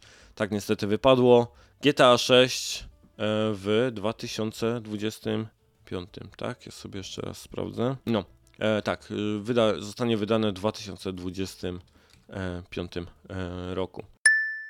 Fani cyfrowego świata zderzają się z rzeczywistością i to przepraszam za brutalny gdzieś tam nagłówek, ale, ale musiałem. Sony usuwa zakupioną, e, zakupione programy telewizyjne Discovery z PlayStation Store. Użytkownicy nie będą już mogli, mieli dostępu do programów w swoich bibliotekach ze względu na porozumienie licencyjne. Ponad 1300 sezonów seriali, e, epizodów seriali zgodnie z listą PlayStation zostanie usuniętych, w tym Animal Planet Presents, Cake Boss, Deadliest Catch, How It's Made i Mythbusters. Ja jestem absolutnie brutalny i nie mam żadnych e, jakby tej litości i dlatego dla osób, które czują się tutaj pokrzywdzone, albowiem to jest dokładnie to, czego chcieliście i ja o tym absolutnie zawsze mówiłem. Powtarzam nieustannie, wszystko co macie w Steamie, wszystko co macie w PlayStation Store, wszystko co kupujecie cyfrowo nie jest wasze, kupujecie jedynie licencję na odtwarzanie tego, dopóki ona nie wygaśnie. E, tak wygląda świat cyfrowy. E, jeszcze gorzej wygląda świat streamingu, w którym tak naprawdę nie mamy zero kontroli nad tym, e, co tam się pojawia i co byśmy sobie chcieli zostawić. Jesteśmy zdani na łaskę, jak przynajmniej jakby na przykład było z serialem Willow no, od Disneya, więc e, Richard Hogue, tak, czyli Hogue Law, czyli ten prawnik, którego gdzieś tam sobie słucham, jeśli chodzi o sprawy e, prawne i, i gaming, był również bezlitosny. No, EULA i warunki, które się podpisuje, w cudzysłowie, e, przy kupnie dóbr cyfrowych mówią bardzo jasno i wyraźnie, do czego mamy dostęp. Mało tego, tego też w sumie tak nie wiedziałem, albo przypomniało mi się o tym, bo coś mi tam świta, że już o tym wspominałem. To nawet jeżeli zgracie sobie cyfrowe jakieś dobra, czy to film, koncert, muzykę, czy grają na jakiś nośnik, to generalnie nie macie do niego prawa, jeżeli zostanie ta licencja, licencja wygaśnie. Czyli no oczywiście nikt was za to prawdopodobnie nie będzie ścigał, jedynie Nintendo ma takie służby, żeby ścigać e, graczy. Aczkolwiek nawet jeżeli zgracie sobie te, ser te seriale tego Discovery, odcinki na jakiś dysk zewnętrzny i w ten sposób będziecie sobie oglądać je później, to w razie czego, gdyby ktoś was z tym przyłapał, to nie macie do tego prawa i powinniście, według tego co jest w EULI e, napisane, usunąć również je z tych dodatkowych nośników i wszelkie wasze kopie również usunąć wraz z wygaśnięciem licencji. A zatem nawet to gdzieś nie broni, a wszyscy to przecież podpisujemy i czytamy, kiedy kupujemy rzeczy w sieci, prawda? No i ostatnią rzeczą, którą chciałem powiedzieć, bo takich wysyp komentarzy również się spotkałem, co mnie tylko doprowadziło gdzieś tam do furii, e, kiedy ludzie e, zaczęli gloryfikować piractwo e, z tego względu. Jest to dla mnie strasznie po prostu idiotyczne i uważam, że takie osoby mają kręgosłup moralny z gówna tak naprawdę stworzony. Kiedy odpowiedział na to, że hej, doskonale wiedziałem co robię, wiem, że nie kupuję gry, tylko licencję, jak mi ją odbiorą, ale przecież to się nigdy nie stanie, w końcu się staje, i mam pretensje do całego świata, że się wydarzyło. Nie wiem, to jest dla mnie niezrozumiałe, jak można e, tak gdzieś patrzeć, e, patrzeć na świat i absolutnie nie jest to powód, wszystko co się dzieje, do tego, żeby gloryfikować piractwo. Żeby być może przeciwnym temu światu cyfrowemu? Sure, jak najbardziej. Jak to ostatnio powiedział ten Nolan, tak, że jesteśmy. E, jak on, jakiego to on, on słówka takiego fajnego nazwał, jeśli chodzi o kustoszami? A, tak kustoszami kinematografii, jeżeli kupujemy fizyczne kopie. Bądźcie kustoszami e, gamingu i gier, gier wideo i po prostu kupujcie sobie pudełka, jeżeli chcecie gdzieś tam mieć na dłużej. I nie, to nie jest argument, że konsola przestanie działać, bo pojawi się jakiś analog albo kiedyś ktoś coś stworzy, na czym to będziecie mogli sobie odpalić ten tytuł. E, byleby go gdzieś tam mieć w swojej gdzieś tam fizycznej kopii. Zatem, no. To tyle powiedziałem bez litości. Ja nie mam tutaj absolutnie pretensji do Sony z tym związanego. Licencje wygas wygaszają. Nikt nie sugerował, że zawsze te licencje będą wszędzie dostępne. Może wrócą, może nie, ale absolutnie nie uważam, że jest to jakikolwiek powód, żeby gloryfikować piractwo. A może się zastanowić, czy faktycznie chcemy takiej stuprocentowej cyfrowej przyszłości. E, kolejny news. Bungie jest jeszcze w większych tarapatach niż myśleliśmy. Według raportu Bungie jest obecnie w pełni niezależną spółką, zależ, yy, zależną z Sony, w pełni niezależną spółką Sony, której zarząd jest podzielony pomiędzy dyrektorów PlayStation i dyrektorów Bungie. Dyrektor generalny Bungie, Pete Persons, ma głos w rozstrzygnięciu e, pomiędzy tym remisem, a inni członkowie zarządu to szef PlayStation Studios Herman Holst, wiceprezes Sony Eric Lempel, dyrektor techniczny Bungie Louis Villegas i współzałożyciel studia Jason Jones. Czyli tak, czyli mamy 3 do 2 jeśli chodzi o zarząd e, Bungie. E, jednak źródła e, podają IGN, że liderzy Bungie powiedzieli wkrótce po ostatnim rundzie zwolnień, w wyniku której odeszło około 100 osób, że jeśli studio nie osiągnie określonych celów finansowych, Sony może rozważać podzielenie, e, podzielenie zarządu, stworzenie nowego zarządu i przejęcia pełnej kontroli nad studiem. No, więc Bungie jest naprawdę srogich tarapatach. E, mówiliśmy o tym, że tego rodzaju warunki finansowe, czy tam niespełnione warunki finansowe, które im się przytrafiły, generalnie zabiłyby inne studia. No tutaj Bungie jakoś się gdzieś utrzymało, ale e, no nie wygląda to zbyt różowo dla nich, jeżeli nie zaczną te wyniki być coraz lepsze, a nie sądzę, żeby były lepsze, biorąc pod uwagę, że ich dodatek ostatni został tak mocno przesunięty. Tak, no, tak jakby stracili możliwość jakiejś tam zastrzyku gotówki i spełnienia warunków, więc no nie wiem, jedynym e, sposobem na tego rodzaju sytuacje, kiedy, kiedy mamy złe finanse, to po prostu fala zwolnień kolejnych e, i ucinania pewnych benefitów e, ekipie, co się dzieje też w innych firmach. Ja sam byłem świadkiem tego rodzaju rzeczy dziejących się e, w filmie. I tutaj doda dodać chciałem tylko tyle, że wątpię, aby było to działanie według planu Sony. To akurat tego tak w ten sposób raczej się nie buduje, albo firmy nie podchodzą do tego rodzaju spraw przejęć e, i fuzji e, w ten sposób. Co się bardziej tutaj wydaje, wydaje dzieje, to jest sytuacja, w której widziałem wielokrotnie. E, raz nawet z bardzo bliskiego mi doświadczenia, a raz po prostu czytałem o tego rodzaju sprawach Wygląda to mniej więcej tak, że firma, która szuka kupca, zaniża swoje wyniki e, tego, ile jest kosztuje, ile kosztuje operacyjnie jej utrzymanie e, na rynku, zaniża te wszystkie wartości po to, żeby być bardziej atrakcyjnym towarem dla ewentualnego kupca, a po, po zakupie, e, kiedy zaczynają gdzieś tam być rozwiewane pewne finansowe gdzieś sprawy, no pochodzi, dochodzi to jakby do zderzenia z rzeczywistością i okazuje się, że musimy teraz te warunki gdzieś tam spełnić.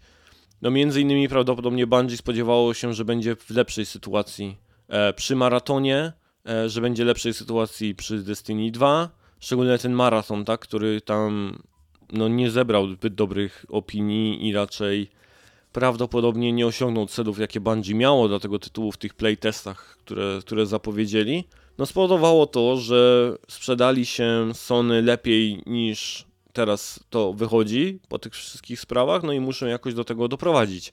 E, między innymi w ten sposób to wygląda. To się akurat bardzo często gdzieś tam dzieje w biznesie, więc nie jest to dla mnie nic e, dziwnego.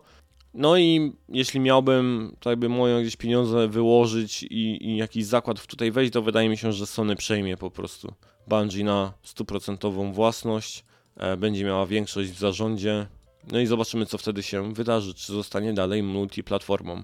A, i co jeszcze tutaj chciałem zaznaczyć, bo taki komentarz też y, czytam gdzieś tu i tam, w różnych miejscach w sieci, e, że czy Bungie powinno dalej jakby oceniać gry, serwisy, które robi PlayStation i czy teraz nie powinni przeprosić Naughty Dog za to, co jakby opinie wydali między frakcji.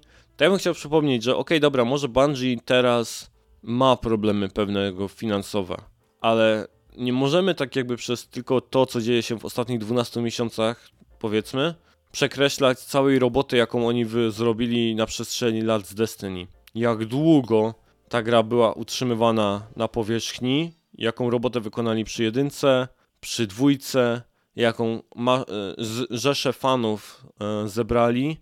No według mnie tak jakby przekreślanie tego całego ich doświadczenia i tego wszystkiego, co zrobili tylko dlatego, że te ostatnie 12 miesięcy, które zaznaczmy, w całej branży są brutalne i źle odbierane. To nie jest tak, że tylko i wyłącznie Bungie ma problemy. Jest, do, jest głupim po prostu komentarzem. Tak jakby domaganie się tego, żeby przeprosili Naughty Dog za ich opinię wobec frakcji, bo może nie są adekwatną osobą. Ja nadal uważam, że jeśli chodzi o to, co ma Sony i nawet bym powiedział graczy w branży, to Bungie ma jak najbardziej gdzieś tam taki walidny głos eksperta w dziedzinie budowania serwisów i nie powinno to być jakoś tam negowane. Teraz przed nami seria newsów, które Norbert przygotował i opracował, więc e, sam jestem ciekaw o to dokładnie tutaj Norbert e, mnie zapyta w przygotowanych pytaniach. Ale tak, dobrze, lećmy. E, gracze duchy kupują, nie grają. Premiera gry Ghost Runner 2 od polskiego studia One More Level zwraca uwagę, że liczba graczy od ogrywających dany tytuł po premierze nie musi być wcale wyznacznikiem jego sukcesu finansowego. Jak podaje portal gryonline.pl ze SteamDB, DB liczba grających w ciągu doby na Steamie waha się od 70 kilku osób do 250. Rekord wynosi 2264 jednoczesnych graczy i padł w październiku. Dla porównania, pierwszy tytuł mógł pochwalić się rekordem grających jednocześnie na poziomie 11 tysięcy graczy pięciokrotna wartość. Mimo to całkowity przychód ze sprzedaży podstawowej wersji do 31 października w ciągu pierwszych 5 dni od premiery szacuje się na 24 miliony złotych, a zysk brutto na poziomie 7,7 miliona. Sama produkcja Ghost Runner 2 pochłonęła 16,7 miliona złotych. Cóż, Norbert chce się tu ode mnie dowiedzieć. Eee... A, nie, Norbert nie zostawił pytania, więc powiem tylko tyle, że warto patrzeć, co się dzieje e, z numerkami.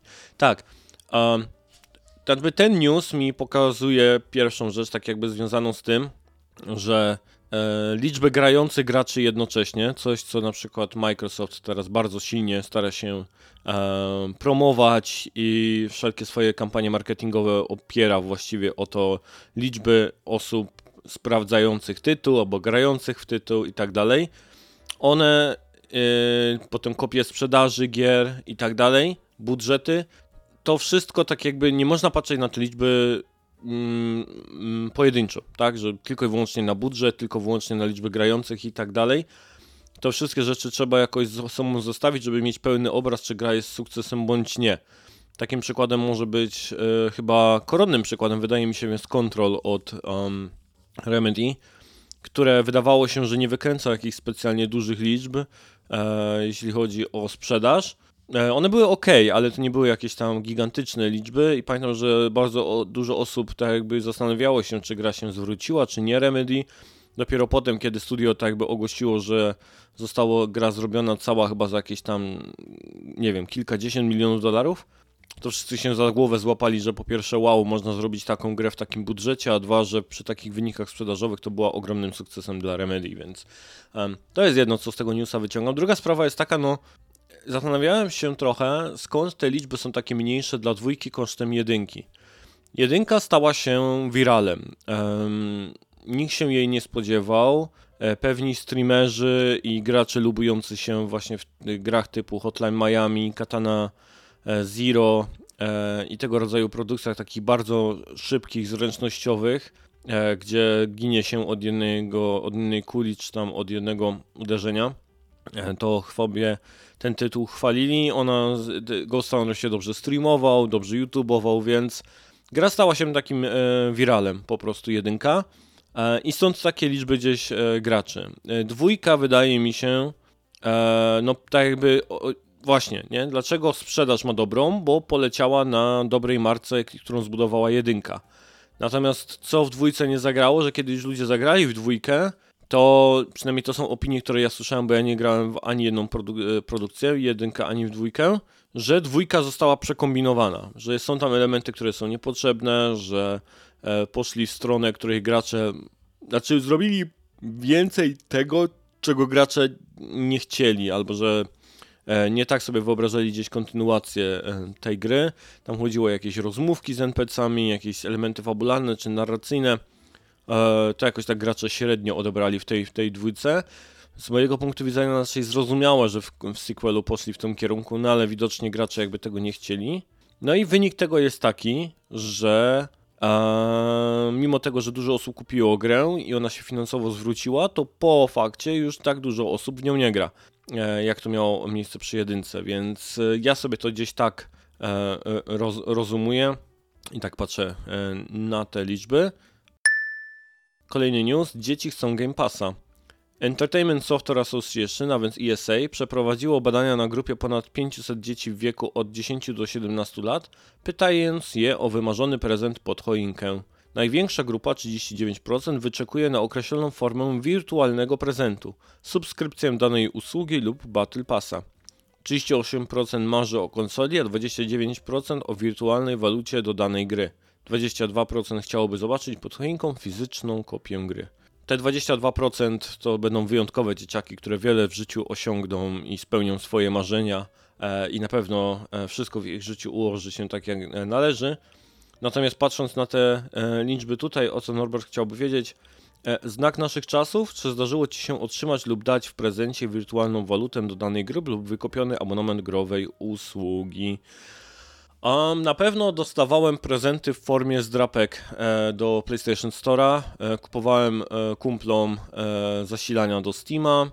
E, czytam do tego od Blizzarda, chyba tam też e, kupowaliśmy przy, przy, przy którymś tam wcześniejszym StarCraftie czy, czy Diablo, kupowaliśmy jakieś zdrabki do Steama, więc zdarzało mi się po prostu ludziom kupować te, te wirtualne waluty.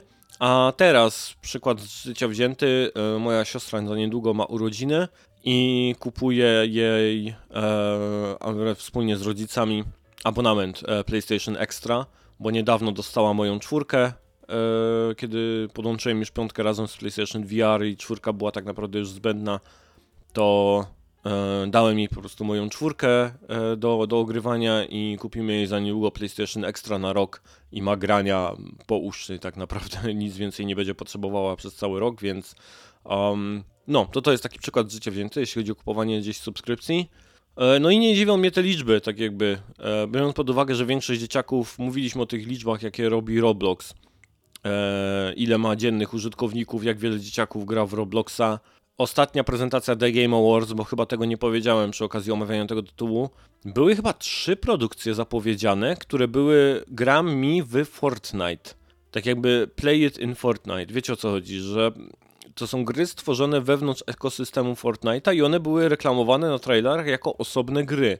Eee, co, co, co jest w sumie ciekawe, no ale to w takim kierunku właśnie idzie e, zarówno Epic, jak i Fortnite, no i wiele graczy takich gdzieś w latach właśnie 10-17 dokładnie czegoś takiego oczekuje, więc zupełnie się nie dziwię tym liczbom i skąd one jakby tak wychodzą i wyglądają. Natomiast to jeszcze raz podkreślę, że te 22, 8, 22% graczy, tych dzieciaków, to, to są wyjątkowe dzieciaki. Weterani z Rockstara łączą siły. Dan Hauser, jeden z założycieli Rockstara, który opuścił studio w 2020 roku, zbiera dawną ekipę w swoim nowym studiu Absurd Ventures. Najnowsze informacje podają, że dołączyli do niego Jeffrey Crawford, e, Leslie Jones, który w Rockstar Games spędził niemal 20 lat gdzie był scenarzystą dyrektorem kreatywnym, a także współprezesem działu produkcji. Drugim z nabytków jest Michael Answorth, który w Rockstar piastował stanowisko wiceprezesa do spraw scenopisarskich i odgrywał istotną rolę przy nadawaniu kierunków fabułom GTA czy Red Dead Redemption. Hauser chce, by jego studio pisało historię i lub scenariusze do gier wideo, ale również programów na żywo, animacji, książek, powieści graficznych oraz podcastów. Aktualnie zarejestrowane są dwa tytuły: American Caper, powieść graficzna opowiadająca historię dwóch amerykańskich rodzin żyjących w świecie skorumpowanego biznesu, nieudolnej polityki i przestępczości, oraz Better Paradise, a więc słuchowisko. Czy weterani Rockstara w ramach Absurd Ventures mogą zaskoczyć stworzeniem czegoś, co wstrząśnie branżę gier wideo? Hmm, e, to było pytanie od Norberta. Wydaje mi się, że mają na pewno wszystkie predyspozycje, narzędzia i klocki poukładane, żeby tak było, tak? Że to są osoby, które e, na przestrzeni lat, może jak ty to nazwałeś, wstrząsnęły branżą, branżą gier. Czy wstrząsnęły, to może nie wiem, czy wstrząsnęły, ale na pewno e, były bardzo głośne, wyraźne i nie bały się szydzić i śmiać się z trendów czy jakichś istotnych ludzi e, w świecie. Więc y, wydaje mi się, że mają na pewno ku temu predyspozycję. Natomiast ja patrzę od jakiegoś czasu tak dosyć sceptycznie na tego rodzaju tam zbieranie, zbieractwo um, weteranów, bo już Kalisto Protocol na przykład jest y, takim najlepszym przykładem, który nas nauczył tego, że y, mimo tego, że wraca jakiś weteran E, tego czy tamtego studia, nawet robi grę bardzo podobną do tego, co robi, to nie, musi, nie musi to o, jednocześnie oka okazać się sukcesem. Byli też ci weterani e, Electronic Arts, którzy robili grę, e, chyba nawet tam, mm, chyba White Hearts, tak? To chyba nie, inna gra. A, te, Immortals, tak? Też to tak nie wypaliło, e, jakby się można było spodziewać po tego rodzaju weteranach. Zatem, mm, E, Silent Hill Ascension, ta ostatnia mega klapa e, interaktywna, tam też teoretycznie byli weterani Telltale Games, brali udział w pisaniu scenariuszy, więc z tymi weteranami budującymi studia, to ja tak z przymrużeniem oka na to patrzę, więc nie uważam, że to od razu musi być takim ogromnym gdzieś sukcesem. No ciekawy jest tylko kierunek, jaki oni sobie obrali, bo chcą robić scenariusze programów na żywo, animacji, książek, powieści i tak dalej, więc e, widać było, że to jest ekipa mocno mm, kreatywna, jeśli chodzi o budowanie światów, osobistości, person, tak dalej, więc e, no ja jestem ciekaw, co na pewno gdzieś z tego wyjdzie. odpowiadając na pytanie, czy są w stanie wstrząsnąć branżą gier wideo, no na pewno są w stanie zbudować coś nietuzinkowego. E, pytanie tylko teraz też, czy, czy ten ich humor i to, co tak jakby oni uważają za śmieszne, czy tam na przykład wstrząsające, to czy tak faktycznie zostanie odebrane, no bo to są już ludzie, bym powiedział, boomerzy, nie? Tak, którzy tam już trochę latek na karku mają. Walking Simulatory odchodzą. Adrian Chmielarz, jeden z założycieli studia The Astronauts, który zasłynął premierę The Vanishing of Ethan Carter w 2014 roku, stwierdził w rozmowie z Gaming Bolt, że widzieliśmy, że wiedzieliśmy, że czasy symulatorów chodzenia dobiegły końca. Te gry mają tylko jeden wyróżnik i owszem, można z nimi robić wspaniałe rzeczy, jak w przypadku ostatniego znanego symulatora chodzenia What Remains of Edith Finch, ale ich okres przydatności jest ograniczony. Zaczęliśmy więc szukać nowych kierunków. Obecnie studio pracuje nad FPS-em Witchfire. I pytanie od Norberta, czy zgadzasz się ze stwierdzeniem, że czas Walking Simu dobiegł końca i żaden z tego rodzaju tytuł nie ma już szans na podbicie serc graczy? Um, nigdy nie, nigdy nie, powie, nie mówiłbym nigdy. Był taki czas, gdzie po prostu one pojawiały się jeden po drugim i było takie zmęczenie materiału, e, bo był Carter, było Edith Finch, było Gone Home, e, Tacoma, E, więc e, tego, tego było dużo po prostu, tych walking simów w pewnym momencie. Teraz można też powiedzieć, że no właśnie, jak walking sim, jak to gdzieś. Nie wiem, jak dokładnie ten gatunek opisać. Czy jakiś horror na przykład też jest walking simem, skoro tylko się gdzieś tam chodzi, podnosi jakieś gdzieś tam wskazówki, czyta, nie ma żadnej jakby gdzieś tam interakcji z otoczeniem zbytniej. Więc no nie wiem jak dokładnie ten, ten, czym się wyróżnia, jak dokładnie jest opisany ten, ten gatunek. Natomiast pierwszą rzeczą, jaka przyszła mi do głowy, to jest to, że prawdopodobnie przydałoby się zmienić medium. I moim zdaniem, znów to podkreślę, że VR może być całkiem fajnym startem dla jakiegoś powrotu walking sim, e, simów. E, tym bardziej, że możemy tam zbudować znacznie więcej interakcji, która zajmie po prostu graczy. Tak? E, takim przykładem ostatnio na przykład może być Walking Sima, to nie jest gra, w którą grałem, a którą słuchałem i widziałem na kanale Jacoba Gellera. Oh, teraz sobie nie potrafię tytułu przypomnieć, ale to była produkcja właśnie VR, którą gra się na PC-tach. Eee, chyba Utilization Room się to nazywało, czy coś w tym rodzaju. Chodziło o to, że tak jakby to był taki świat, tak jakby za kulisami naszego świata. Tak jakby, co, jakby jak wyglądają wszystkie mechanizmy, które powodują, że nasz świat funkcjonuje, co się dzieje tak jakby yy, za nim. I to był jak najbardziej walking sim, ale on był tak e, przerażający i tak pełen napięcia, zbudowanego w ogóle bez żadnych potworów, czy jakichś tam e, strasznych elementów, takich typowo strasznych, jakichś monstrów, bestii i tak dalej E, to był typowy walking sim, gdzie tylko i wyłącznie się e, do przodu gdzieś tam poruszało i obserwowało, co dzieje się dookoła. Że według, według mnie to jest dobre medium, żeby gdzieś ten tytuł się gdzieś pojawiły, ale znów no nie może być ich jakby gdzieś tam, ponieważ one są dosyć specyficzne i trudno zrobić, jakby jeśli już mówić o walking simie jako o jakimś gatunku, e, żeby je tak bardzo od siebie wyróżnić, no bo ich wyróżnia może tylko wyłącznie gdzieś tam otoczenie, historia, postać, tego rodzaju sprawy, tak, więc yy, wydaje mi się, że tak, o ile boom na Walking Simy już minął, to wcale nie uważam, że od czasu do czasu nie mogłoby się coś pojawić ciekawego, e, opowiadającego jakąś ciekawą historię. A, a twórcy, jeżeli dalej by chcieli tworzyć Walking Simy, to wydaje mi się też, że całkiem niezłym medium ku temu jest po prostu VR i wirtualna rzeczywistość. No i jeszcze, e, by the way, ten Witchfire to, to jest też tytuł, który ja tak gdzieś obserwuję, bo zapowiada się naprawdę pysznie. No ale dobrze, e, Boże, godzina 15 mojego gadania solo, e, strasznie męczące to jest. Mam jeszcze tylko parę szybkich wrzutek, gry i pieniądze i będziemy zamykać ten odcinek. U, czyli Ups Ubisoft, tak to ja wymyśliłem sobie taką, taką grę słów. Użytkownik serwisu Reddit przesłał poniższy klip którego tutaj nie, nie umieszczę, ale przesłał klip, na którym widać niepożądane zakłócenia pojawiające się podczas próby uzyskania dostępu do mapy w grze Assassin's Creed Odyssey na konsoli Series e, S. Reklama, o której mowa, dotyczyła aktualnej oferty z Czarnego Piątku na najnowszą odsłonę serii Assassin's Creed Mirage. Firma Ubisoft stwierdziła, że przyczyną pojawienia się w tym tygodniu wyskakującej reklamy w grach Assassin's Creed u niektórych graczy był błąd techniczny. Um, no to jest dosyć ciekawe, yy, że niektórzy tak jakby pisali o tym artykule na zasadzie takiej, że to był błąd techniczny, że ta reklama się nam w ogóle pojawiła. Nie, ta reklama, co się nam pojawiła, to było z premedytacją oczywiście zrobione. Tego rodzaju rzeczy nie dzieją się z przypadku, a to, że po prostu ona się pojawiła w nieodpowiedniej dacie, może miała się pojawiać tylko w Black Weeku, to, to jest bardziej tym błędem technicznym, e, o którym Ubisoft e, mówi lub mówi tak okrętnie, e, że, że, że próbuje to przedstawić, że całość było po prostu nieporozumieniem. Aczkolwiek, no, dla mnie to jest mega dziwne i strasznie wkurzające. Ja bym się zdenerwował, gdybym chciał odpalić mapę w moim RPG coś takiego i dostawał na twarz ogromny pop-up e, z obecnie jakąś tam trwającą promocją na inną grę, czy, czy coś ten deseń. No, to byłoby wkurzające i na pewno tego czegoś nie rozumiem.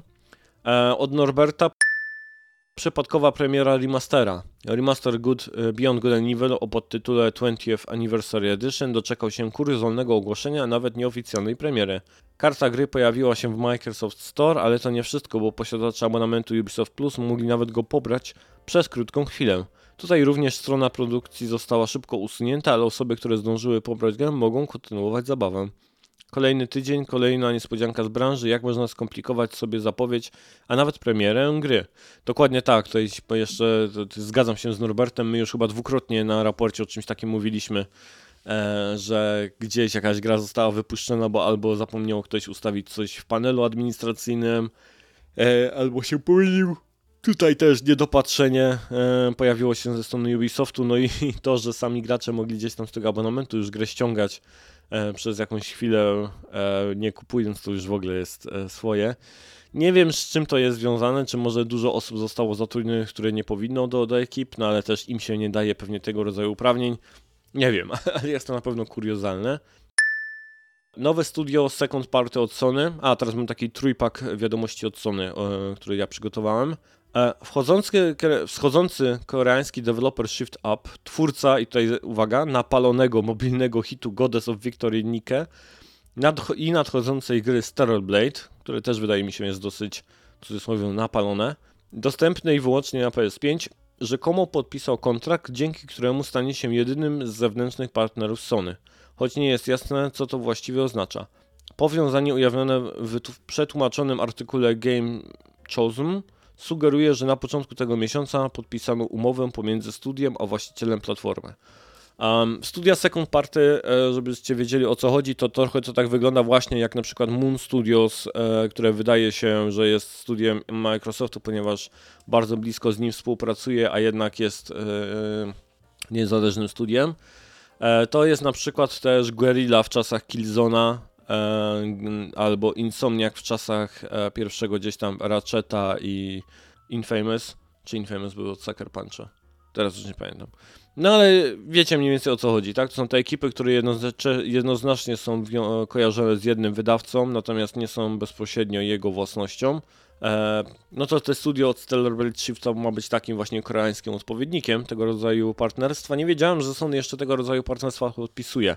E, biorąc pod uwagę, jak szybko zdecydowali się na Deviation, e, na, na Haven, choć Deviation to jest chyba tylko współpraca właśnie, jeśli chodzi o Haven, to chyba jest studio, które zostało kupione przez Sony, już teraz nie pamiętam, więc no ciekawa na pewno gdzieś informacja, no ale Stereo Blade to też jest jeden z takich przykład czystego biznesu ze strony Sony, e, gdzie gra była na początku, kiedy jeszcze była reklamowana poza jakimikolwiek tam e, state of playami, directami, to była sygnowana jako multiplatforma, a dopiero kiedy została potem promowana przez State of Play, to stała się, zmieniła w ogóle tytuł z Project Eve, chyba tak się miała na początku nazywać na Stellar Blade, to wtedy też stała się bez, y, ekskluzywem na PS5. NCSoft i Sony nowymi partnerami, to kolejna wiadomość taka partnerska od strony Sony. NCSoft i Sony Interactive nawiązały współpracę, która będzie obejmować e, różne obszary biznesowe, w tym branżę mobilną. To jest o tyle ciekawe, że NCSoft i Sony gdzieś były przebąkiwały różnego rodzaju plotki, że wspólnie przygotowują MMO w świecie Horizona.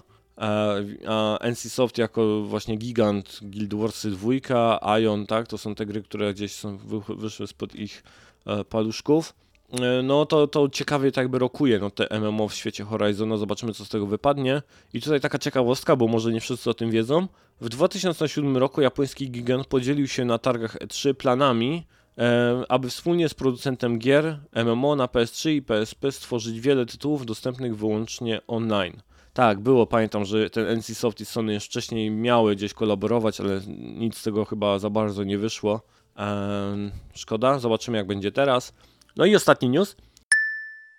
Eee, Sony pożegnało Jimbo. Sony Interactive Entertainment zorganizowało w Tokio wielkie przyjęcie pożegnalne odchodzącego szefa Jimmy Ryana, podczas którego otrzymał on kilka całkiem fajnych prezentów. Zdjęcia krążące na Twitterze przedstawiają spersonalizowane e, ciasteczka z podziękowaniami oraz niestandardowy kontroler PlayStation 5 DualSense z motywem PS1, tak samo jak całą konsolę w kolorystyce PS1 i żebyście wiedzieli, kabel USB, który jest od tego pada, e, wygląda jak PS1, jest też taki zaokrąglony i wygląda jak wtyczka ta, którą mieliście do padów z PS1, e, kiedy się ją podłącza do USB. Wygląda to niesamowicie i ode mnie takie dwa komentarze. Po pierwsze, nie ma pieniędzy, których bym nie dał za tego pada. Słuchajcie, jak ja widziałem te zdjęcia tego pada w tej kolorystyce PS1, mm, mm, normalnie pysznutkie jak te ciasteczka z facjatą e,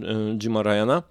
A przy okazji całej tej e, imprezy to chciałem jeszcze tutaj dodać, że tak raczej nie żegna się osobę, która została zwolniona ze swojego stanowiska. Patrzcie jak został pożegnany Sean Layden, gdzie tak naprawdę nic nie wydarzyło się, e, a jak tylko zostało ogłoszone jego usunięcie, to zniknął tak naprawdę z Sony, gdzie Jim Ryan po dziś dzień podpisuje kontrakty i umowy, więc e, nawet zdjęcie było jego jak razem z tym e, szefem NC Softu nad jakimś stołem stoją, siedzą i podpisują dokumenty, więc robi to wszystko osobiście, więc to na pewno nie było zwolnienie przymusowe.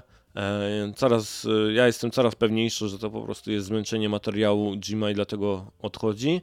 No ale tak, jeszcze raz, tego pada, uch, ależ bym przyjął te, tego, tego szarego pada. Zobaczcie sobie gdzieś tam zdjęcia, jak wygląda, no bajka, dla mnie bajka. Gry i pieniądze. Money, money, money. Sprzedaż Cyberpunka 2077 Phantom Liberty przekroczył 4,3 miliona egzemplarzy. Jak na DLC, dla mnie to jest ogromny wynik i tutaj no, czapki z głów, e, bo wydaje się, że DLC nie dość, że jest dobre, to jeszcze sprzedaje się masakrycznie nieźle, więc na pewno będą w CDP zadowoleni.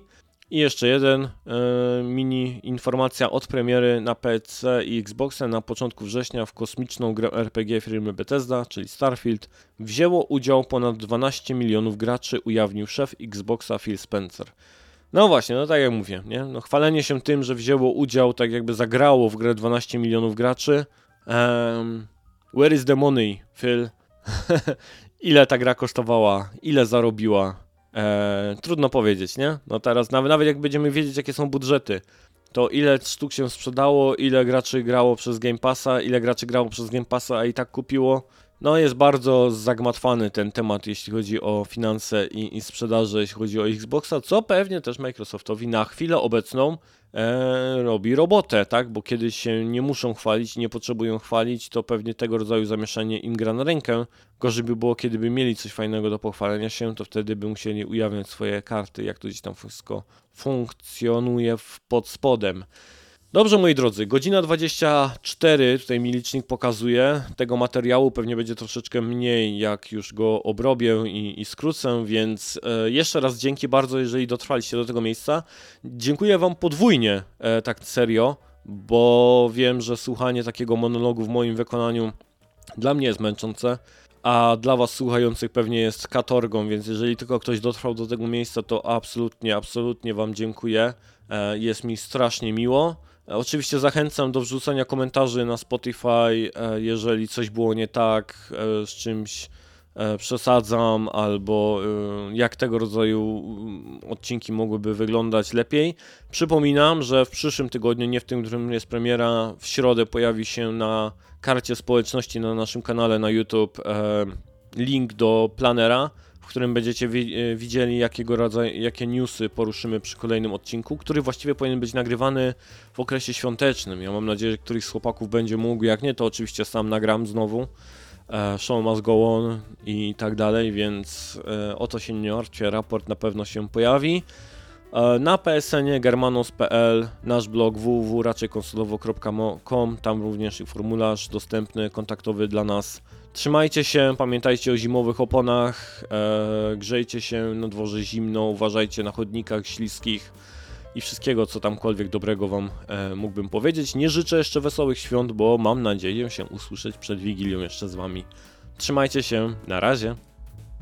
Raport o grach to podcast w ramach bloga Raczej Konsolowo www.raczejkonsolowo.com Znajdziecie tam linki do drugiego podcastu Raczej Konsolowo Gamecastu oraz do kanału YouTube. Na samym blogu natomiast wpisy poświęcone grom wideo. Jeśli podobało Wam się to, co usłyszeliście tutaj, prosimy Was o recenzję i pozostawieniu dobrych ocen w serwisach podcastowych, co pomoże nam dotrzeć do większej grupy słuchaczy. Za wszystkie oddane głosy i recenzje serdecznie dziękujemy. Do następnego odcinka za dwa tygodnie.